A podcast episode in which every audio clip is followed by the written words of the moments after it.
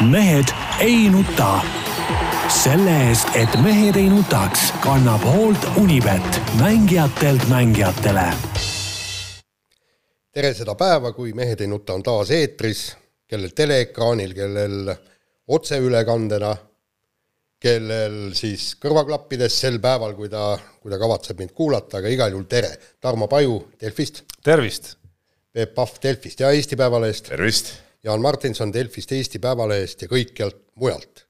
Tarmo, sul oli mingi plaaniline sõnavõtt või ei, mul plaanilisi ei olnud, lihtsalt siin see kümmekond minutit, mis meil meeleolukalt möödus siin, enne kui, enne kui saime rohelise tule Rubilniku mehelt, see, see, selle käigus selgus ikkagi igasugu maailma avastuslikke hetki, et kas sinu jaoks on midagi üllatavat? jaa, no esiteks, esiteks selgus, et Peep ja Jaan ei ole omavahel Facebookis sõbrad ja nad mängivad niisugust huvitavat mängu, et äh, Facebook küll soovitab kogu aeg, et, et sa võiksid Jaani või Peebu võtta. Jaani pole Facebook mind kunagi soovitanud ja, ja siis nad, aga siis nad teevad niisugust nagu jõumängu, et kes esimesena murdub ja sõbrakutse saadab.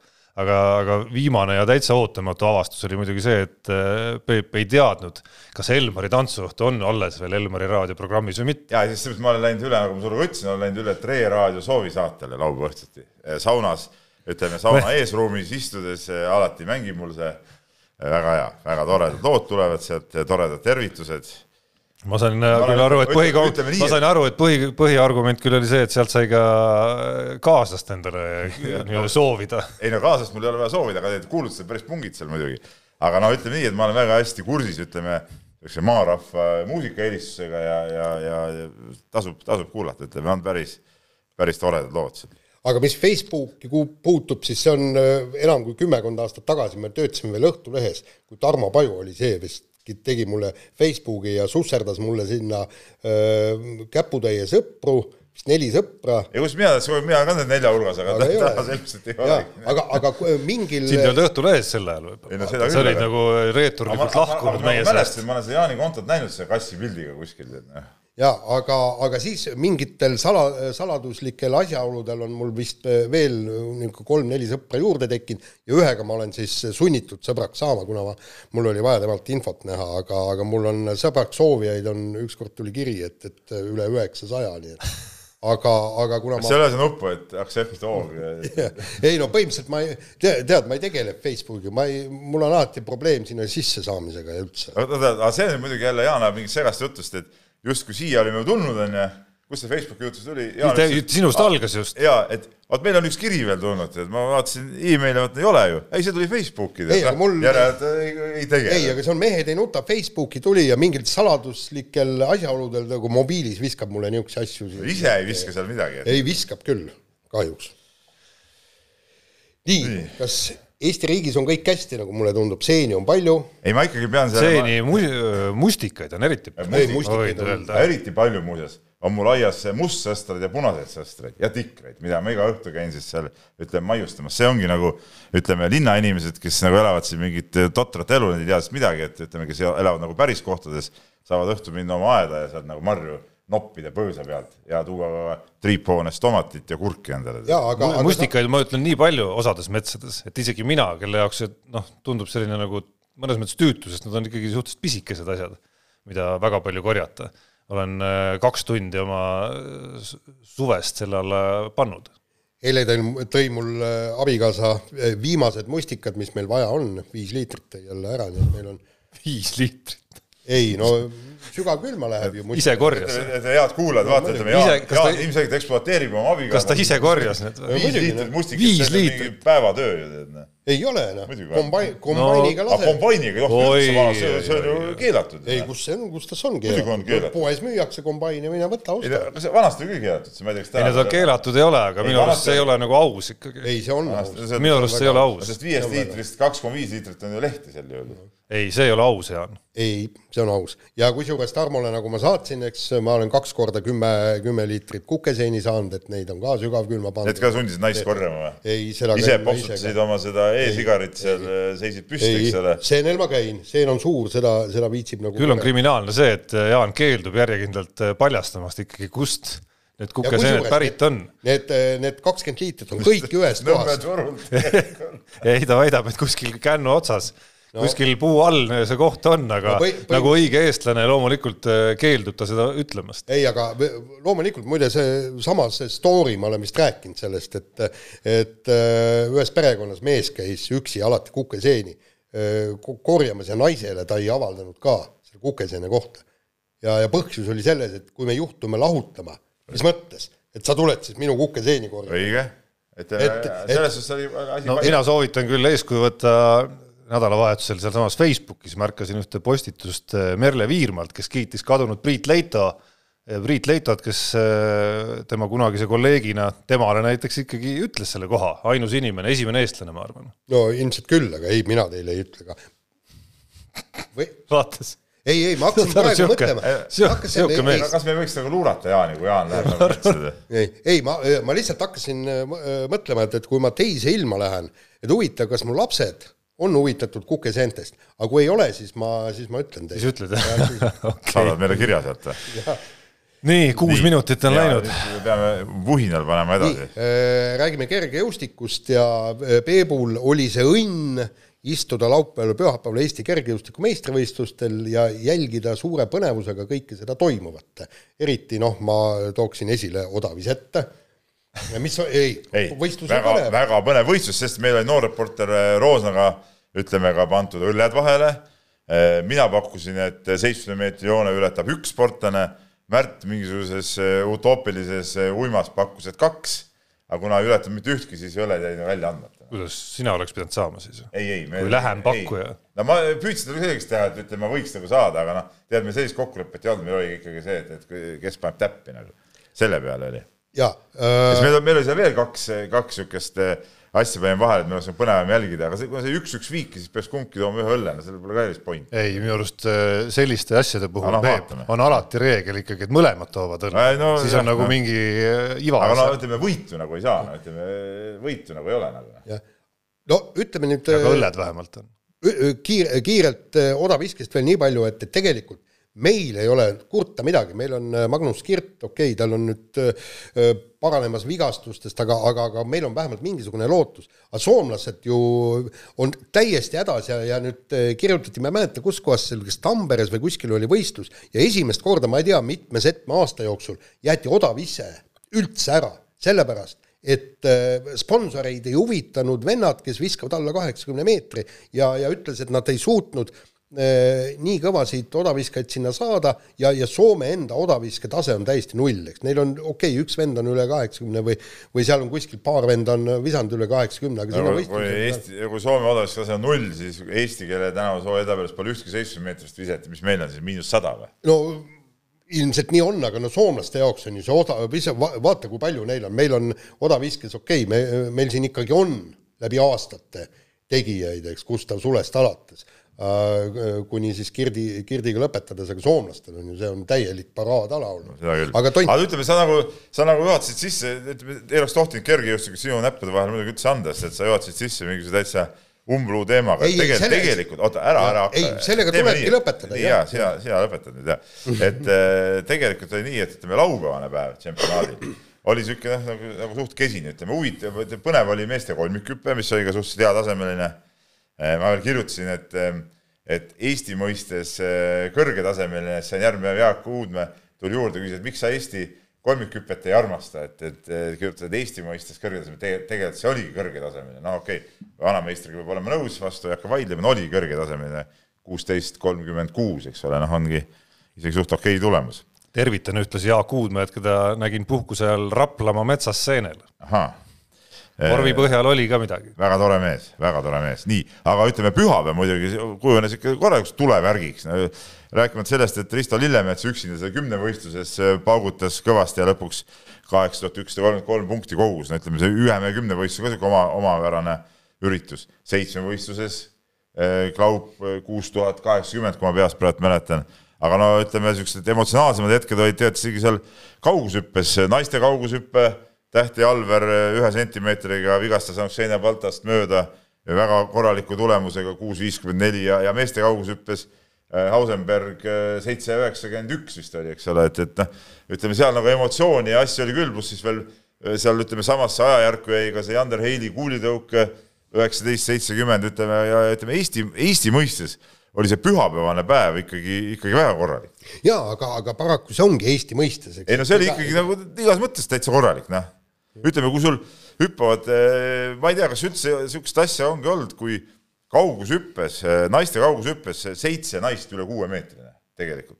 Ja, ja, ja ma ei tea, kas seal viis tükki üle kuue kahekümne, et noh, tegelikult kor, väga korralik tase. Peep, Peep, ma muidugi märgiks seda, et, et medalid võidetakse tiitlivõistlustel seitsmest meetrist alates ja kuue ja seitsme meetri vahel on täpselt meda-, oot, oot, oot, oot, aga ütle mulle nüüd, millal viimati võideti tiitlivõistluse pronksmedal eh, üle seitsmemeetrise tulemusega? no seitsme alla vähemalt, aga need sa, ei olnud hüppe... seitsmest alates hakkasid rääkima mulle, noh. tüüpiline Jaani niisugune umbluud. aga, aga, aga tegelikult on, hakkasin just mõtlema selle äh, Jaak äh, Uudmäe poja kolmikhüppe puhul, hakkasin mõtlema seda, et kui omal ajal oleks meil samasugune nii-öelda süsteem olnud kui Eestis, et kui sul enne seda, kui sul noh, ma ei kujuta ette kolmikhüppes, enne kui sa seitseteist kopikaid ei ole hüpanud, enne seda sul praktiliselt mingisugust toetusi ega midagi ei ole, siis ei oleks ju Jaak Uudmäest ka asja olnud, sest, sest vaata, kui ta ju ülikooli läks siis olid tal ju tulemused ääretult kesised, aga, aga siis olid, kõik olid need ähm, nii-öelda äh, spordiühingute koondised ja kõik ja igal pool sai ja ta, ta sai korraliku treeneri, ta sai ikkagi toetuse, ta sai hakata tegema sporti korralikult täistasemel. vot, vot mind huvitabki just see Uudmäe poiss, Alver äh,, Heil, kui, kui neile kõik täistingimused lu-, luuakse, mis sealt võiks tulla?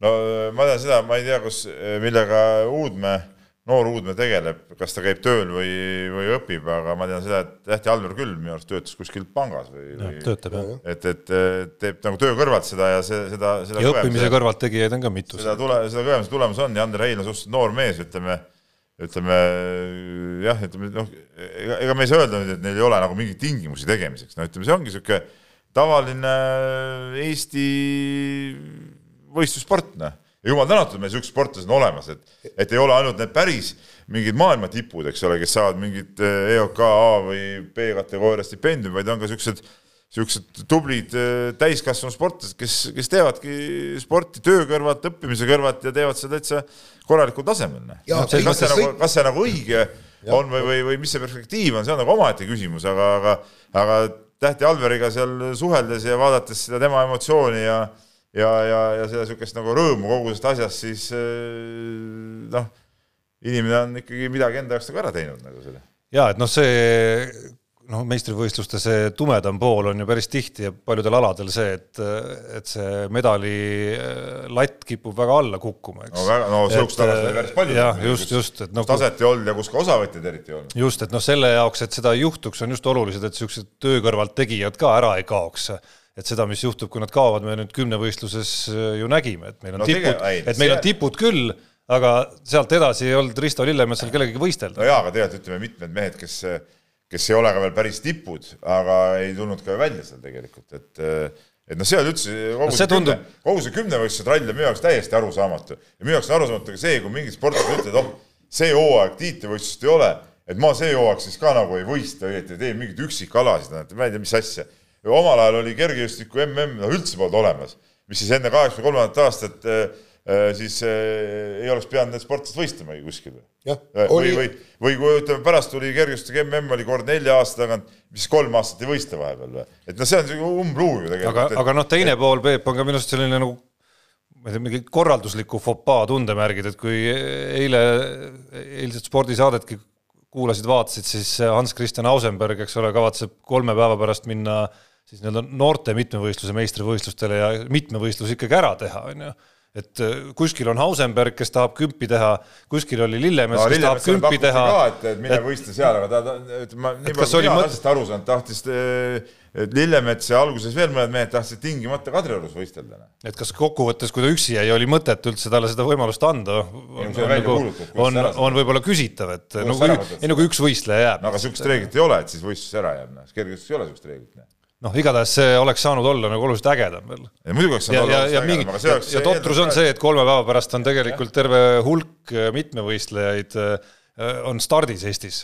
no see on noortevõistlus, eks ole, jah, tegelikult. noh, kellega oleks okei okay täiesti koos ju võistelda. jaa, aga jällegi, kui kiirelt siin Ausenbergist rääkida, siis no, no millal ta ükskord läheb kaugushüpet tegema, pelgalt keskendub kaugushüppele. Kogu oma aja, praegu ta peab ju kümnevõistlejana, ta peab kõiki alasid ja, ja kõike tegema, ma ei tea, ma tõesti ei oska öelda, mis sellest saab, kui ta keskenduks kaugushüppele. no ma sain tema eilsest intervjuust aru, et ta vastupidi, kümnevõistluse aladega polegi eriti tegelenud. ei no jaa, aga, aga no sa, sa ei saa ju teha ainult kaugushüppetrenni ja see, no siis on üldse küsimus, et mis sa lähed seda kümnevõistlust tegema, kui sa nende aladega ei tegele. no mis ta võib minna siis? ei, no las ta läheb, aga, aga noh, sa oled pooleteramees kaugushüppes, pooleteramees nii-öelda pooleteramees kü- kümnevõistlused, noh. aga mis on poole teisalt- teisalt on see- teisalt on- võib-olla see ta, lagi ongi seitse üheksakümmend üks ja me ei tea seda ju. no just ei tea, aga no., aga miks mitte see seda, et ta pooletera mees, kui ta lagi on seitse üheksakümmend üks näiteks no kuule, kui ta MM-ile olümpiale ei pääse, noh, siis on pooletera mees kohe. ei no aga siis äh, teeb kahte ala ja kummalgi olümpiale ei pääse, on see õige, keskendu ühele alale. Ei no loomulikult võiks teha mingisuguse valiku, aga samas noh, no me räägime vanusest, me räägime vanusest, kus ilmtingimata ei ole halb, et ta võib-olla nagu otsib alles seda, et mis see lõpuks tema õige koht on, et Üks on selge, et tema- kui sa, sa mäletad väga hästi ju, et Erki Nool otsis ka jupp aega tegelikult, flirtis kaugushüppega, flirtis teevashüppega ja, ja läks ka aega enne, kui ta sai aru, et ikkagi kümnevõistlus on see õige. ja no vähemalt Ausenbergi puhul on selge, et tuhat viissada ei ole tema õige ala. no vot, see on minu arust nüüd, kui ta võistlema läheb, tahakski nagu selle, selle alani jõudma, tavaliselt ei jõuagi sinna välja. ei ta ikka vahel on No vahel jõudnud et aga- muidu meil ei oleks põhjust rääkida siin aegadest, mis algavad numbriga aga viis tavaliselt. juba need, need ütleme, ohumärgid hakkavad juba varem välja tulema, et sealt head nahku ei tule sellest tuhande viiesajas. loodame parimat muidugi. huvitav kusjuures, et just see tuhat viissada on, on see nagu see, see, see nagu raskuse koht, mis, mis ei ole nagu alane nagu nii hull kui nelisada näiteks. noh, nelisada saab kiiremini saab kiiremini läbi, ütleme. nii, aga vahetame teemat. Või tahad sa veel kergejõustiku järel minna mõne positiivse üllatuse või pettumuse välja tuua? ei, ega siin rohkem polegi, ma ütlen, mõned alad jäid lihtsalt selliseks, kus ei olnud, ei olnud nagu piisavalt osalejaid. Ja mis, mis, noh, ma ütlesin juba selle kümnevõistluse puhul välja, seal mõnede muude alade sportlased nagu öeldud, et kuna see aasta tiitlivõistlust pole, et siis nagu pole õiget motivatsiooni millekski valmistuda, see on nagu minu jaoks nagu Eesti sportlaste puhul arusaamatu, et, et, et no millest me võib-olla nende jaoks motivatsioon peakski olema see eh, Eestis panna kõvasti, tehke mingi normaalne tulemus, noh, tehke mingi normaalne tulemus. keegi ei seganud ju, oli see koroona, ma saan aru, see ei seganud ju kellelgi kokkuvõttes normaalselt treenida. no seda on Risto Lillemetsade ja Tšernjavskite ja Jander Heilide tulemustest ka näha, et ja mitte ainult, et välismaal samamoodi, see Stahl ju kõmmutas seitse, seitsekümmend üks alles. jah, ja ja va- vaadata piiri tagant väga paljud sportlased ikka teevad ja ka tippsportlased teevad ikka tulemust ja Saksa odaviskajad on, on jälle pilti jõudnud ja, ja just Stahl nagu, nagu sa mainisid, seal soomlastel on ju Soome rekordid püstitatud ju terve punt ja kuigi no nüüd see, ütleme see kergejõustiku hooaeg läheb ikka suht hooga edasi, eks ju, tuleb see Balti tsempionaat, Soomes võistlevad paljud seal Kaur Kivistik. Mägi lähevad jah, et, et seal nagu on, on, on neid asju küll. Äh, üks asi, üks küsimus võib-olla, millest me libisesime üle, et keskendusime sellele kümnevõistluse veidrusele, selle asemel, et äh, panna korra püsti ka küsimus, et kas, kas Risto Lillemets äh, pärast kaheksa tuhande ühesaja punkti alistamist äh, näeme me teda järgmisel hetkel ka päriselt võitlemas koondise koha pärast olümpial, noh, oletame, et see toimub. No kas me näeme temas kaheksa tuhande kolmesaja, kaheksa tuhande neljasaja punkti meest? no ta ise igal no ta ise, ise, ise vähemalt usub küll sellesse. Ja teine, asi on see, et, et kui no kõrguses paistab sada punkti juba kuskil vähemalt. üksi, ikkagi teed sellise tulemuse ära, siis ütleme päris võistluses ma arvan, potentsiaal sinna juurde panna juba ainuüksi sellepärast, et sul on 1500-s sul on, kellegagi koos joosta. konkurendid kõrval. Jah, sul on seal mitu ala on, kellega sa saad koos joosta ja, ja olla, et, et tahaks sadat meetrit näiteks üksinda ja et äh, kindlasti seal on punktivaru juures ja see, nagu sa märkisid, kõrgust hüppas ju ju sisuliselt kümme senti vähem, kui ta isiklik rekord on, et, et äh, loomulikult seal mingi potentsiaal on, aga noh, kokkuvõttes see kõik tuleb jälle ju ka kokku panna, noh, see ei ole päris niisama. nii, vahetame teemat, läheme tennise juurde. üht-teist on vaja kokku panna kas ka Anett Kontaveidil, kes kaotas Palermo turniiri äh, finaali pärast äh, ilusat turniiri ja siis äh, finaalis alla prantslannale, eesnime ei mäleta, Ferro oli perekonnanimi ja ja nagu sa, Jaan, tänases leheloos välja tõid, siis kuus finaali, üks võit, viis kaotust no ütleme niimoodi, et, et tegelikult see noh, VTA turniiridel siis. just seda, seda Kontaveiti mängu vaadates noh, muidugi panin panuse temale ja, ja ta oli ka kihlveo, kihlveokontorite soosiks ja kõik ja võis arvata, et ikkagi see Prantslanna oli ju maailma edetabelis viiskümmend pluss koht. et ja nagu ka mitmed asjatundjad, kellega ma pärast rääkisin, ütlesid, et, et tegelikult oleks pidanud Kontaveit selle kogemuste ja jõuga selle, selle finaali ära võtma, aga aga just oli see, et, et et Prantslanna läks noh, jõuga läks peale, jube agressiivselt, alguses kohe mäng, mängis ja ehmatas selle Kontaveidi ära ja muidugi, mis sellel, sellel puhul ongi, et tal õnnestus kõik. Tal õnnestus need pallid sisse saada, Kontaveidil väiksed, väiksed ebakõlad ja kõik ja noh, hakkab, hakkame sealt sellestki pihta, eks, et, et Kontaveidi teine serv oli täitsa õnnetu, eks. ta võitis ainult kolmkümmend pluss protsenti punktidest ja kõik ja, ja, ja, ja vastane, kes on jõuline ja agressiivne eks. et, et lööb selle teise, teise servi pealt kõik need punktid ära, noh, seal ei olegi mitte midagi teha, et, et kuskil, kuskil see väike plõks oleks pidanud ikkagi teises setis käima. sa olid viis-kolm ees. sul on võimalus ja, siis sa kaotad põhimõtteliselt neli, neli game'i selle pealt ära, eks. noh, ütleme niimoodi, vastane ei olnud nii tugev, et Kontaveit ei oleks võinud oma tavapärase mänguga teda võita. ja no ühest küljest äh, minu arust oli Anett Kontaveidil õigus, et äh, ta ei mänginud halba mängu, et ja vastane mängis väga hea mängu, aga see osa, mis jääb sealt puudu, on see, et äh, tennises need kaks mängu on omavahel päris tihedalt seotud alati.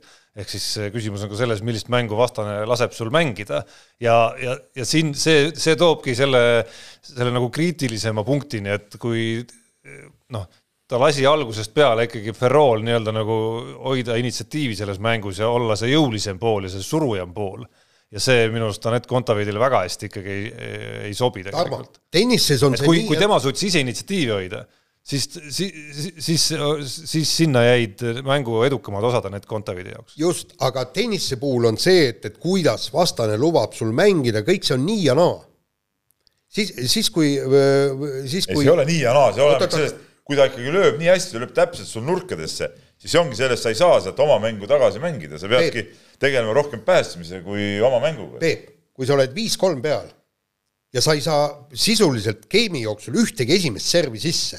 see on teine asi. vot sealt, sealt, sealt see asi hakkabki, kui sa lööd nii nõrga teise servi, siis, siis sa annadki ju vastasele võimaluse, tähendab mitte, et vastane ei dikteeri sel hetkel mängu vaid sina oled just see, kes, kes dikteerib jaa, aga seal ongi, sa ei suuda ise dikteerida selle serviga, tegelikult sa peaks, äh, servi äh, eelis ongi see, et sa hakkad ise dikteerima just, aga see ei, aga, aga serv ei sõltu vastasest. Serv ei sõltu vastasest, serv sõltub ainuüksi sinust endast. aga noh, ütleme, on mis on, äh, minu meelest ka märkis Delfi tennise kommentaator väga hästi, et Anett Kontaveit on muutunud viimasel ajal sedavõrd stabiilseks, et väga kehvasid mänge tal sisse ei tule.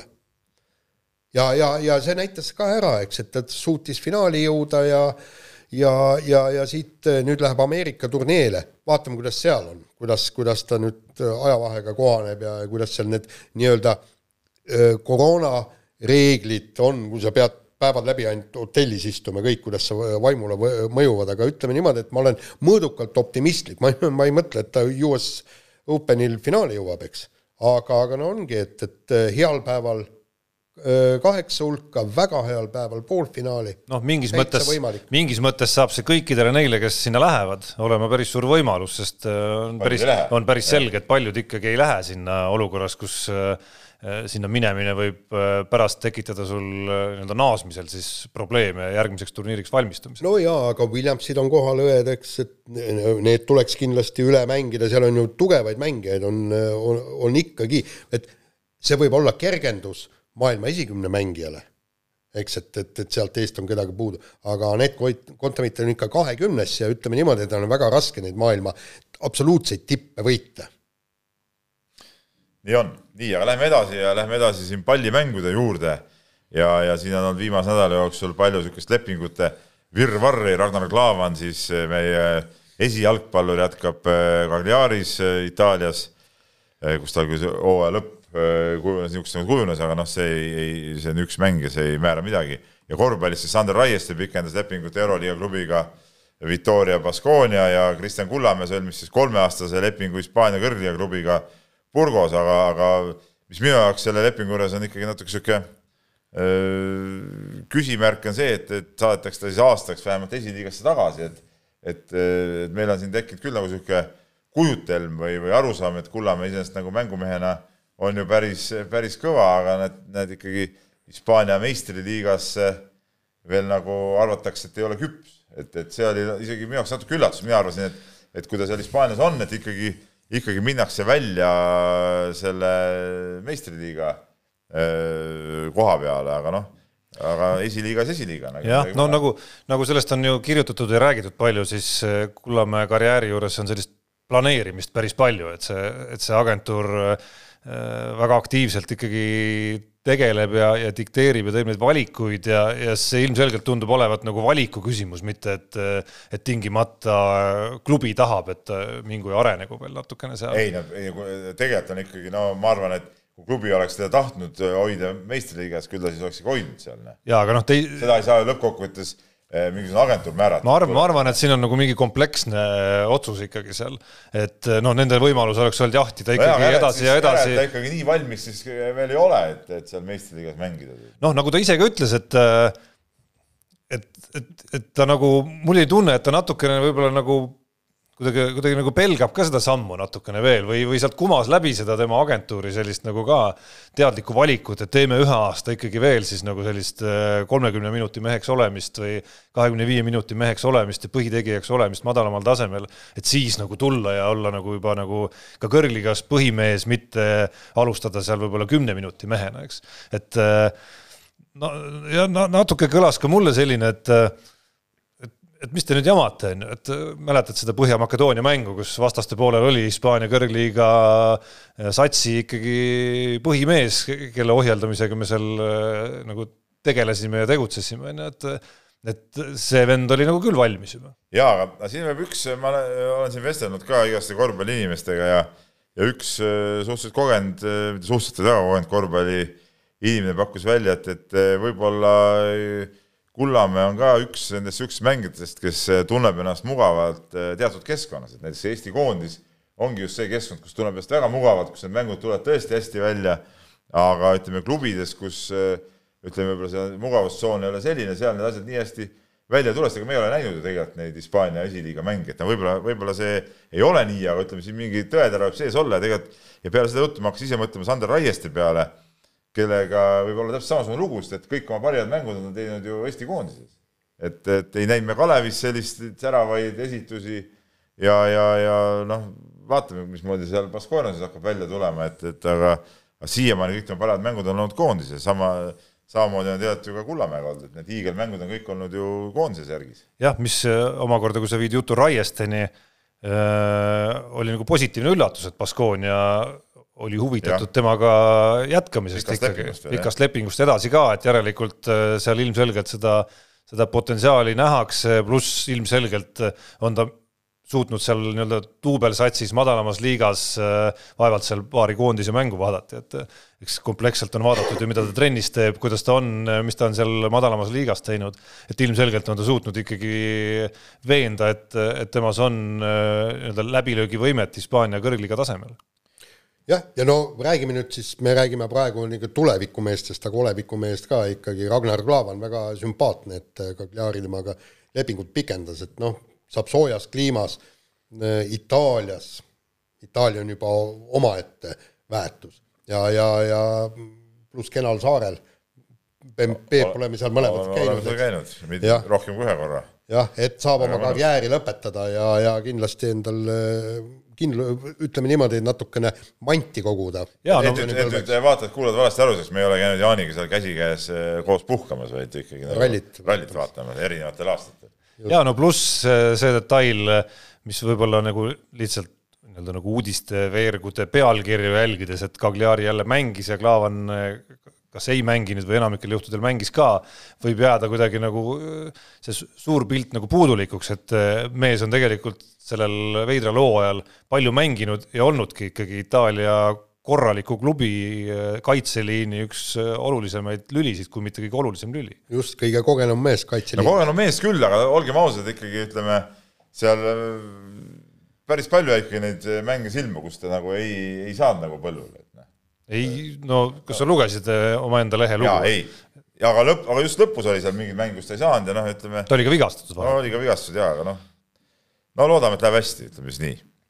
nii, aga võtame viimase pikema teema ja räägime naiste võrkpallist ja äh, Võrkpalliliidul on küpsenud äh, väga huvitav plaan koguda kokku kõik äh, parimad Eestis mängivad võrkpallurid ja minna nendega siis mängima Soome meistrivõistlusi ja kahe otsaga asi ta... kahe otsaga asi, et mõnes mõttes väga hea plaan muidugi, et, et ütleme, need naised, kes siin kodus on, arvestades seda koduse liiga eh, nõrkust, saavad mängida nagu palju kõvemal tasemel.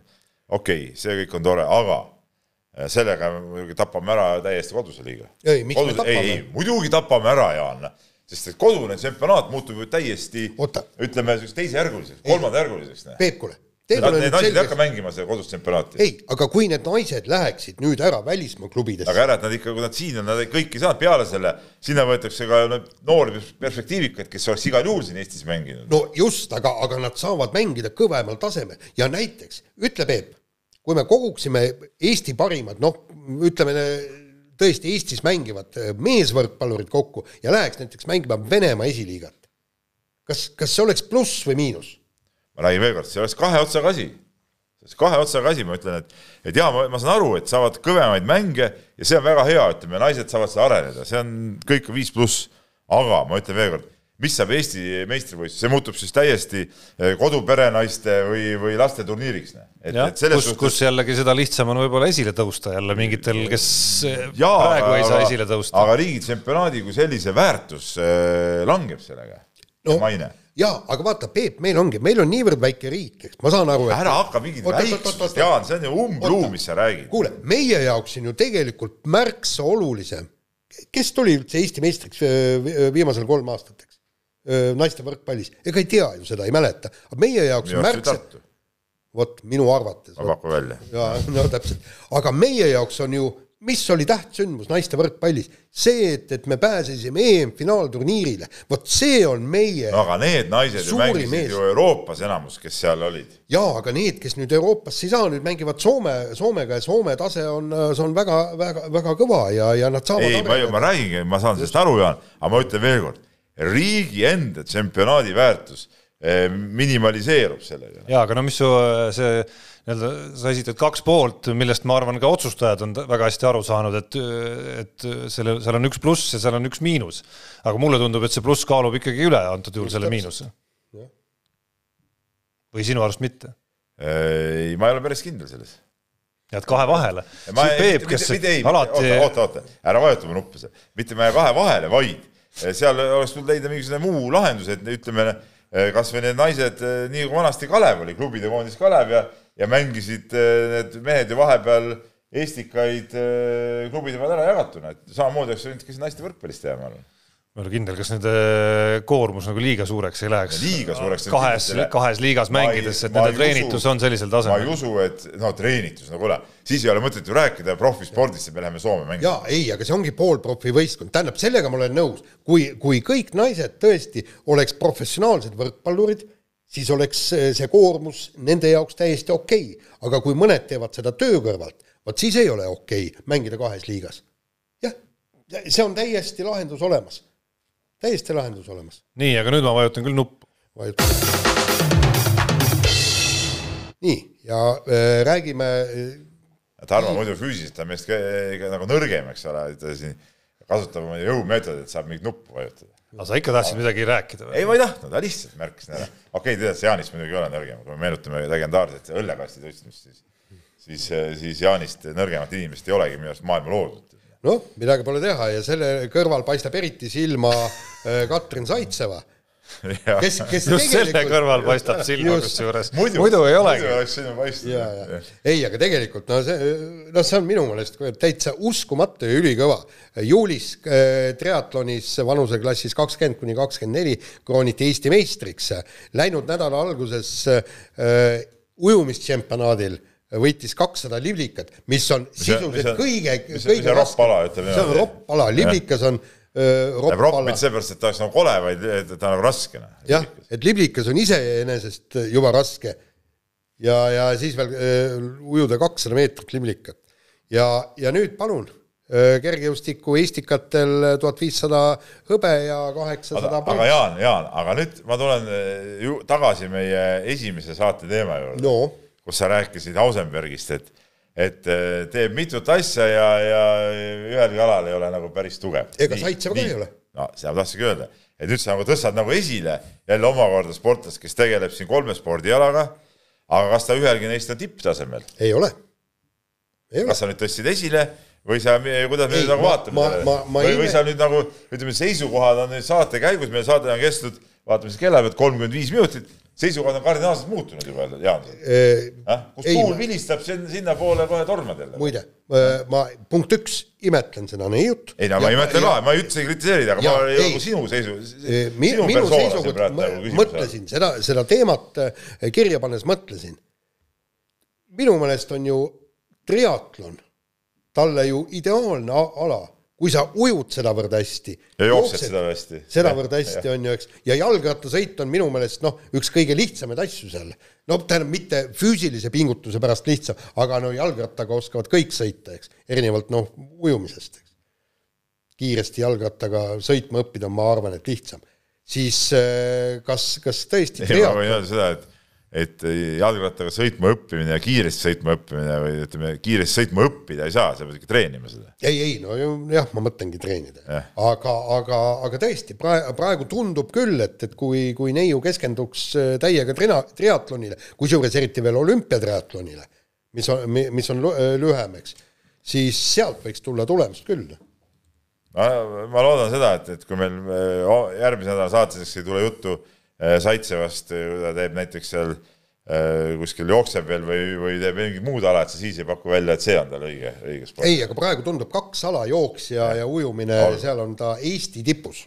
no üks asi, milles Jaan on meie saates veel legendaarne, on see, et alati, kui noh, näiteks korvpallikoondis midagi teeb, võidab, siis äh, põhiküsimus on, et äh, kellest siis saab mängumees ja kellest mitte. No muidugi, seda tahaks teada. kui, kui tihti võib-olla see ei ole põhiküsimus iga mängu järel, siis äh, küll võib öelda, et see võiks olla täitsa asjakohane küsimus pärast seda, kui Madridi Reali hingekirja kuuluv Eesti noorkorvpallur, kuueteistkümne-aastane Henri Veesaar näitas päris kõva klassi eelmisel nädalal Eesti-Soome maavõistlusel, kus ta vedas siis Eesti esimeses mängus võidule ja sellise statistikareaga nagu kolmkümmend kaks punkti, kaheksateist lauapalli ja üheksa blokeeritud viset.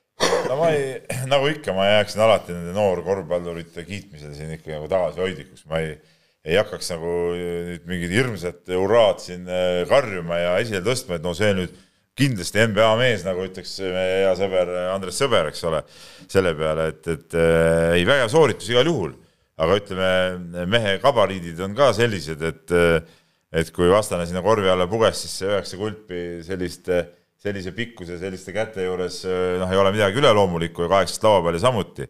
et selge see, tegemist on, no ma olen teda elusuuruses näinud omal ajal ka, enne kui ta juba Hispaaniasse läks, oli näha, et seal nagu ütleme, ütleme looduse poolt on igal juhul nagu antud, et võiks midagi tulla, aga aga kas sealt nüüd lõppkokkuvõttes tuleb hirmkõva mees või tuleb niisugune tavaline mees, seda me keegi praegu ei tea ja ma ei hakka siin küll mingit mingit, ma ei tahakski, et me siin hakkame mingit hurraad hüüdma. ja no olles, olles nüüd ütleme alates sünniaastaga seal seitsmekümnendate lõpp, kaheksakümnendate sealt edasi näinud kõikide põlvkondade tulekut.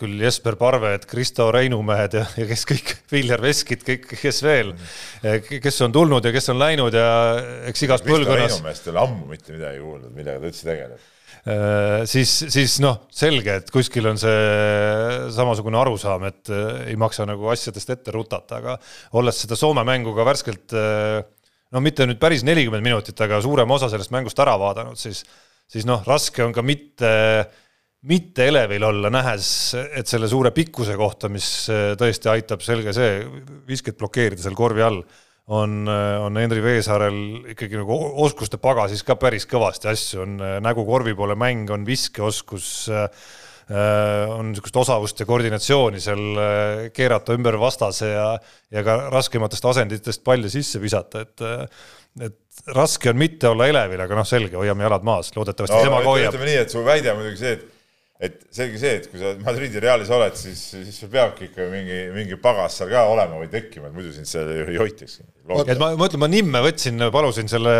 nagu mänguvideo endale saata, et, et natuke nagu seda värsket pilku saada ja, ja noh, selge, et see oli, oli, oli, oli pigem, oli selgelt rõõmustav elamus selle vaatamine. et mis siis tähendab, et eestimaine Markanen ja Borisingis? ei no nüüd sa lähed, Jaan, sinna, kus, kus mina, nüüd sa lähed sinna, kus ma panen punkti sellele jutule.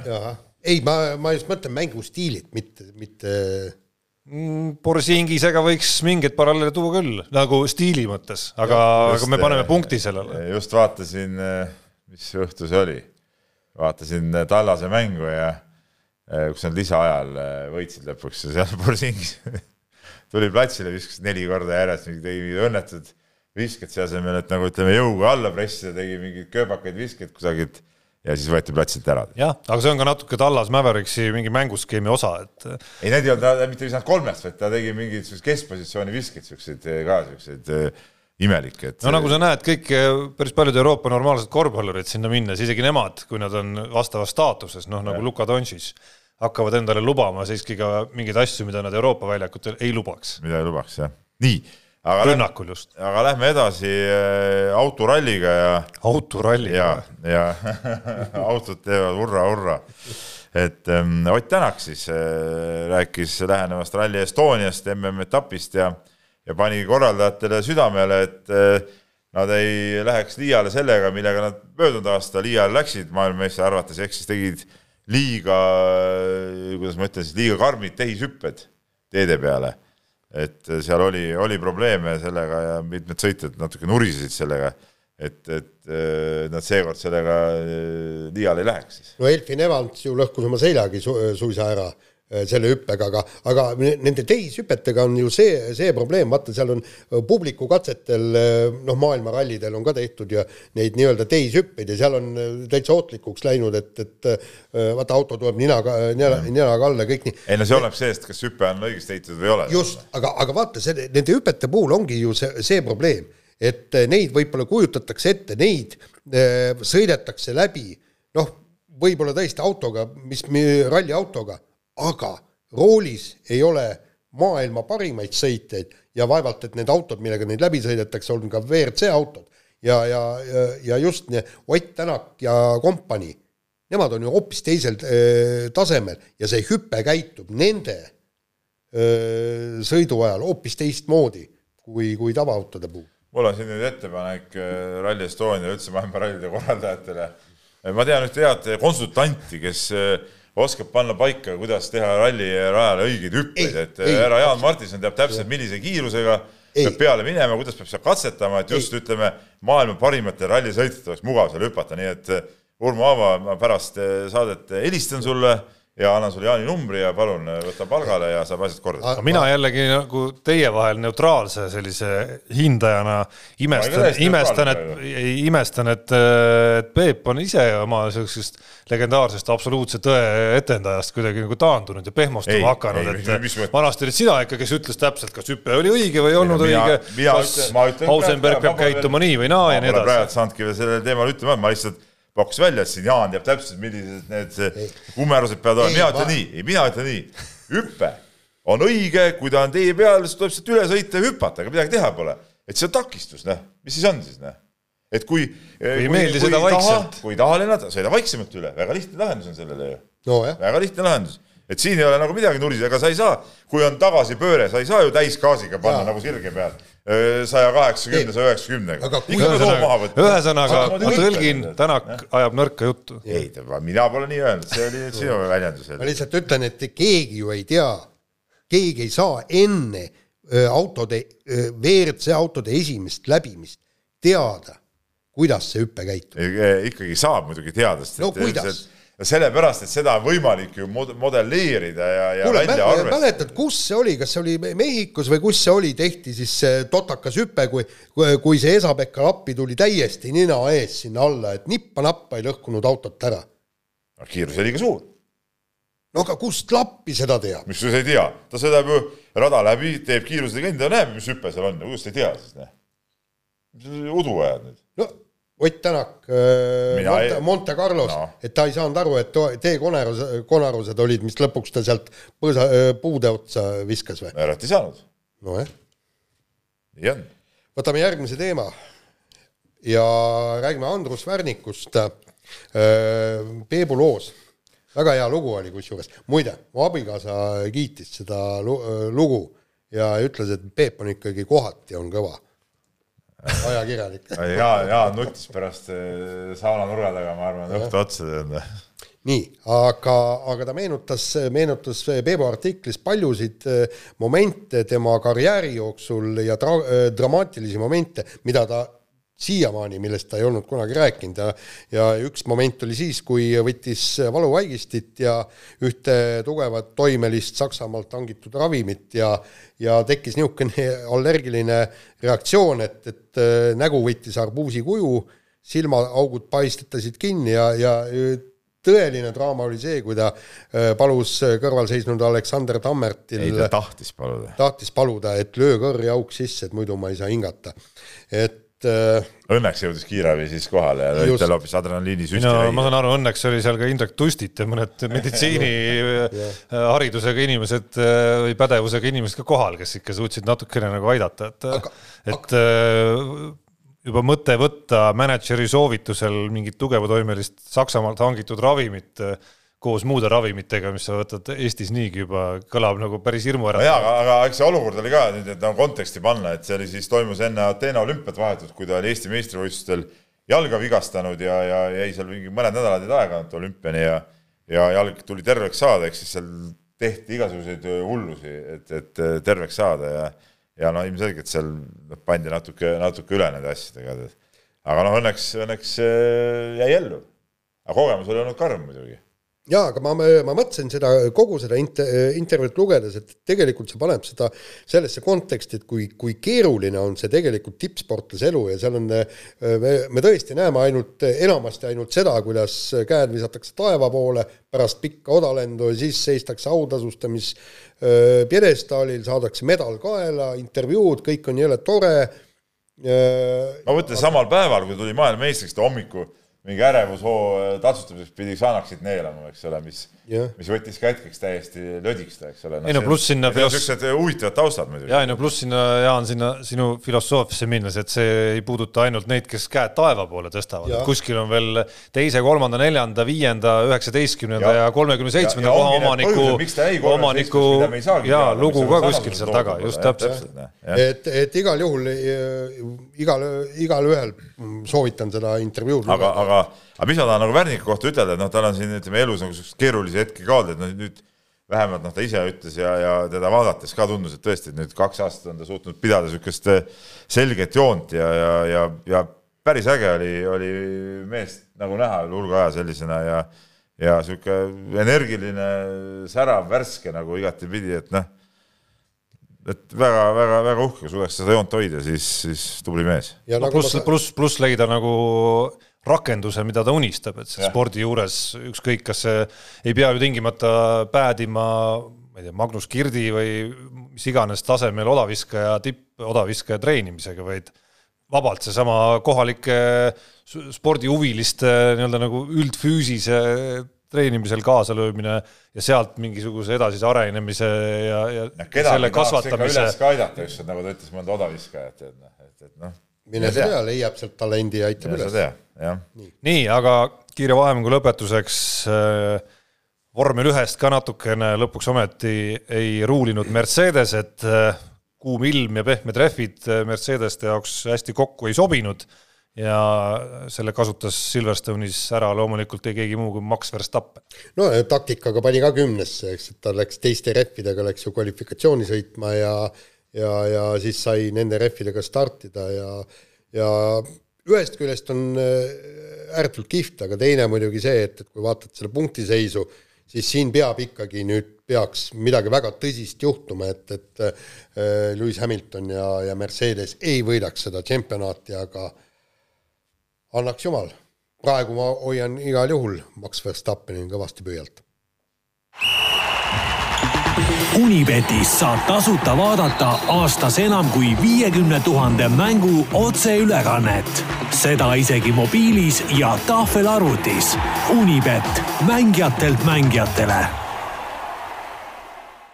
Nonii, meie omavaheline ennustusvõistlus Unibeti keskkonnas, Jaan siin ühe vihje tegi juba mis puudutas Anett Kontaveidi peale Palermo turniiri finaalis panustamist ja ilmselgelt selle kaotamist. jah, kaotasin, aga, aga ütleme niimoodi, et nädal oli päris alla kahesaja jälle või?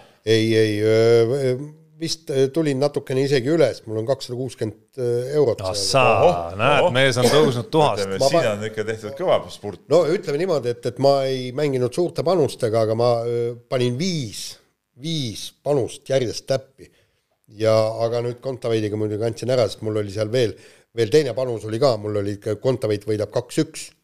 ja see oli minemas, just täpselt vaatan. ja no ma võin öelda, et panin ka kaks panust eelmisel nädalal ja ühe võitsin, teise kaotasin, kokkuvõttes jäin plussi siiski nii et saldo on kakssada seitsekümmend kuus vist, on tasavägine Aa, ja mul... mul on tunne, et ma võin liidriks olla kerkinud, kui Peep ei ole vahepeal siin, oma passimistaktikat lõpetanud. ei minu, ole lõpetanud, sest minu... ausalt, ma unustasin vahepeal ära üldse, et pidin sellega tegelema. minu mõlemad panused olid Anett Kontaveidiga seotud, esimene oli seesama meie eripanus, mis puudutas esimese ringi mängu ja kaks-null settidega võitu see läks siis pihta ja teine oli siis finaalis pärast esimest setti, kaotatud setti koefitsiendiga neli koma viis äh, oli siis Kontaveidi võidukoefitsient sel hetkel. Äh, üks väiksem summa läks sinna ja viis-kolm seisul, ütleme, tundus juba täitsa lootusrikas, aga, aga kahjuks sinna see siis läks. Äh, uuel nädalal mehed ei nuta eripanused puudutavad jalgpalli, mõlemad puudutavad värava löömist. esimene puudutab Eesti kodust liigat, kus siis FC Flora on kohtumas Tammekaga ja küsimus on, kas Rauno Sappinen, meie liiga parim väravakott, kes on kuueteistkümne mänguga löönud kuusteist väravat, lööb värava või mitte, kusjuures ei on kaks koma neli. et äh, olukorras, kus ta ütleme, värav mängu peale on minemas, siis ma võib-olla oleks oodanud, et koefitsiendimeistrid äh, natukene sellise äh, võrdsemad panused mõtlevad välja kui üks koma viis ja kaks koma neli.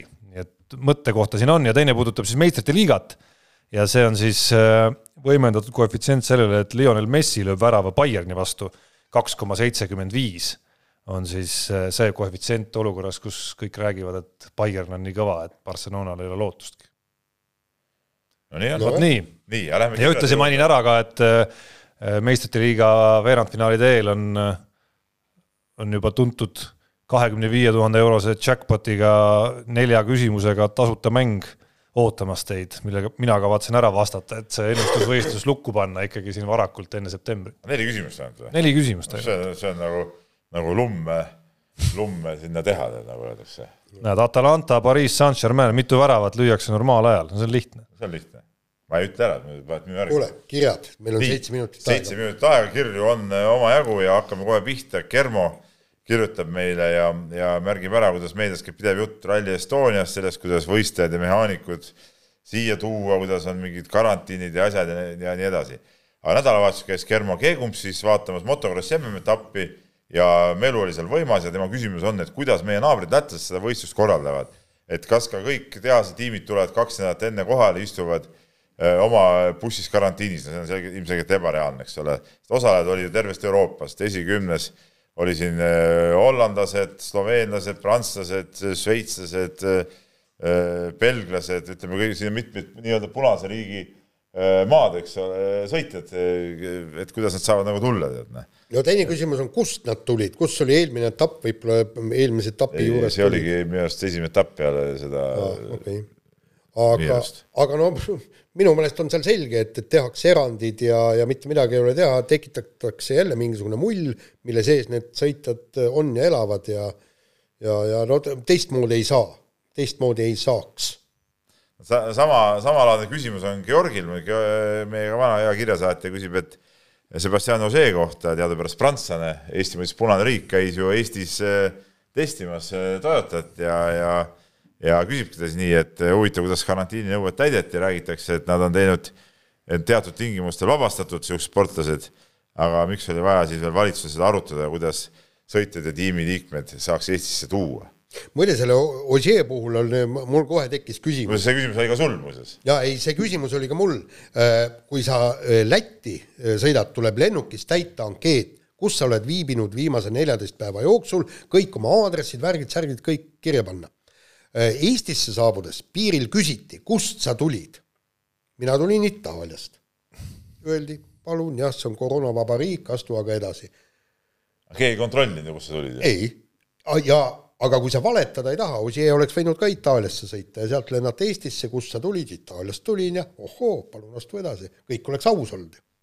mitte sellepärast, et ei küsitud, kus sa viimase see näitabki, et kogu see kontrollivärk ongi ju, ju tegelikult nagu totrus, et noh, see on mingi inimese enda ütluse peal, no selge see, et inimene ei ütle, et ma tulin ma ei tea, kuskilt niisugusest riigist, et ma pean nüüd kodus rullima. muide, need tennisistid rääkisid, et sellel samal Palermo turniiril, kus Kontaveit mängis, et seal oli ka täiesti naljanumber, lubati mulli, paigutati tennisistid hotelli ja muidugi turistid paigutati ka sinna, keegi ei kontrollinud, kas nad väljas käivad või mitte, väidetavalt üheksakümmend protsenti tennisistidest käis linna peal söömas, niisama ringi jalutamas, et, et sisuliselt mingit mulli ei olnud seal. Tarmo ei ole midagi selle kohta ütelda, nagu ma aru saan, nii. Eh, oleks küll, aga ei taha sinna teemasse nii pikalt minna, et äh, minu arust on ka nagu segadust natuke liiga palju, et, et need reeglid võiks selgemad olla ja, ja ja kui neid erireegleid juba tekitatakse, siis, siis neist võiks ka kuidagi kinni pidada, et minu arust on siin nagu sellist ebaloogilisust nii palju, nagu eelmises saates sai ka tegelikult äh, räägitud juba, et et kuskil kohtades äh, on, on lubatud mingid asjad äh, ja teistes kohtades keelatakse asju, mis tunduvad palju ohutumad. No jaa, aga, aga teisalt, kui nüüd tuleb see Lõuna-Eesti ralli, äh, see on siis järgmine nädal lõpp, eks ole, et ja, ja see vahe Rally Estonia on kaks nädalat, siis noh, iseenesest kui kui, kuidas nad sinna kohale saavad, sinna tulevad ka WRC sõitjad teadupärast paljud peale, WRC kahe sõitjad.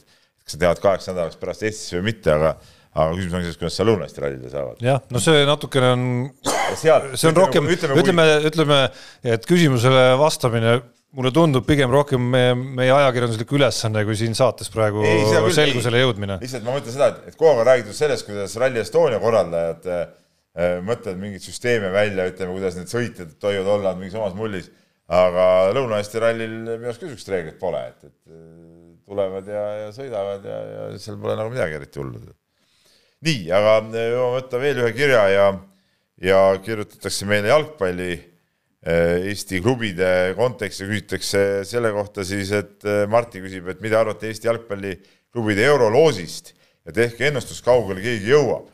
et noh, siin on muidugi minu arust loos on erakordselt igav, ütleme, kui ma vaatasin neid. no esimestes ringides, mis Arsenali sa ei saa vastu endale või no, Manchester United. et, et näiteks FC Levadia kohtub siis nad, need, kas Gibraltari või Fääri saarte võistkonnad peavad käivad omavahel vist mängima.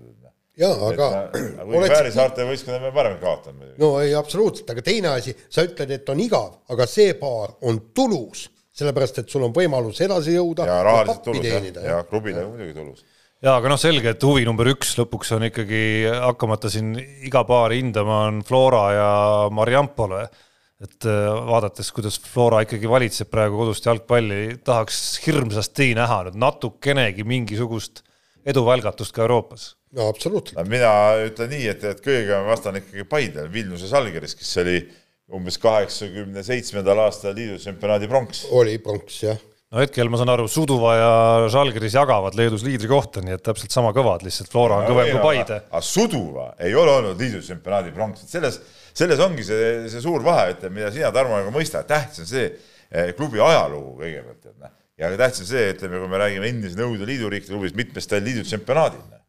Et see on nagu kõige olulisem. ja, ja aga ütleme niimoodi, et, et seekord on, äh, on kõik need mängud suhteliselt loterii, sest kõik pannakse kinni ainult ühe mängu. ja, aga ma ütlen, selge on see, Paide edasi ei saa, Nõmme Kalju, kes kohtub siis Sloveenia klubi Muraga, ilmselt edasi ei saa. Äh, ma arvan, et see Sloveenia klubi on tugevam Levadia ilmselt saab edasi ja noh, siis see Flora olles siiski see... väga ettearvamatu no,. ettearvamatu küll, aga, aga, aga pigem noh, no kuule, kui sealt ka edasi ei saa, siis nagu ei ole ju noh, siis on nagu asi ju puhta hull ju tegelikult. no see ja. lause ei maksa lihtsalt midagi, kui mäng lahti ükski läheb. lause ei maksa midagi kokkuvõttes, aga ma ütlen nii, mina ütlen, nii läheb ja nii läheb, pane tähele, eks ole. Kalju ei saa edasi, Paide ei saa edasi, Levadia saab edasi ja Flora No. ei saa edasi. ai, ai, Ai, ai selline praegu pessimist, no tõesti mind süüdistad ei. siin sajas asjas pessimistiks olemises ja siis paneb sellise aga, pessimistliku aga kas sa tead pakkumise. Flora eurosarjade ajaloost midagi? tean küll, nii, aga nad on ka edasi saanud. ühe korra, no asi seegi. ühe korra. nii, aga sellega on ka saade läbi. mehed ei nuta. saate tõi sinuni Unibet, mängijatelt mängijatele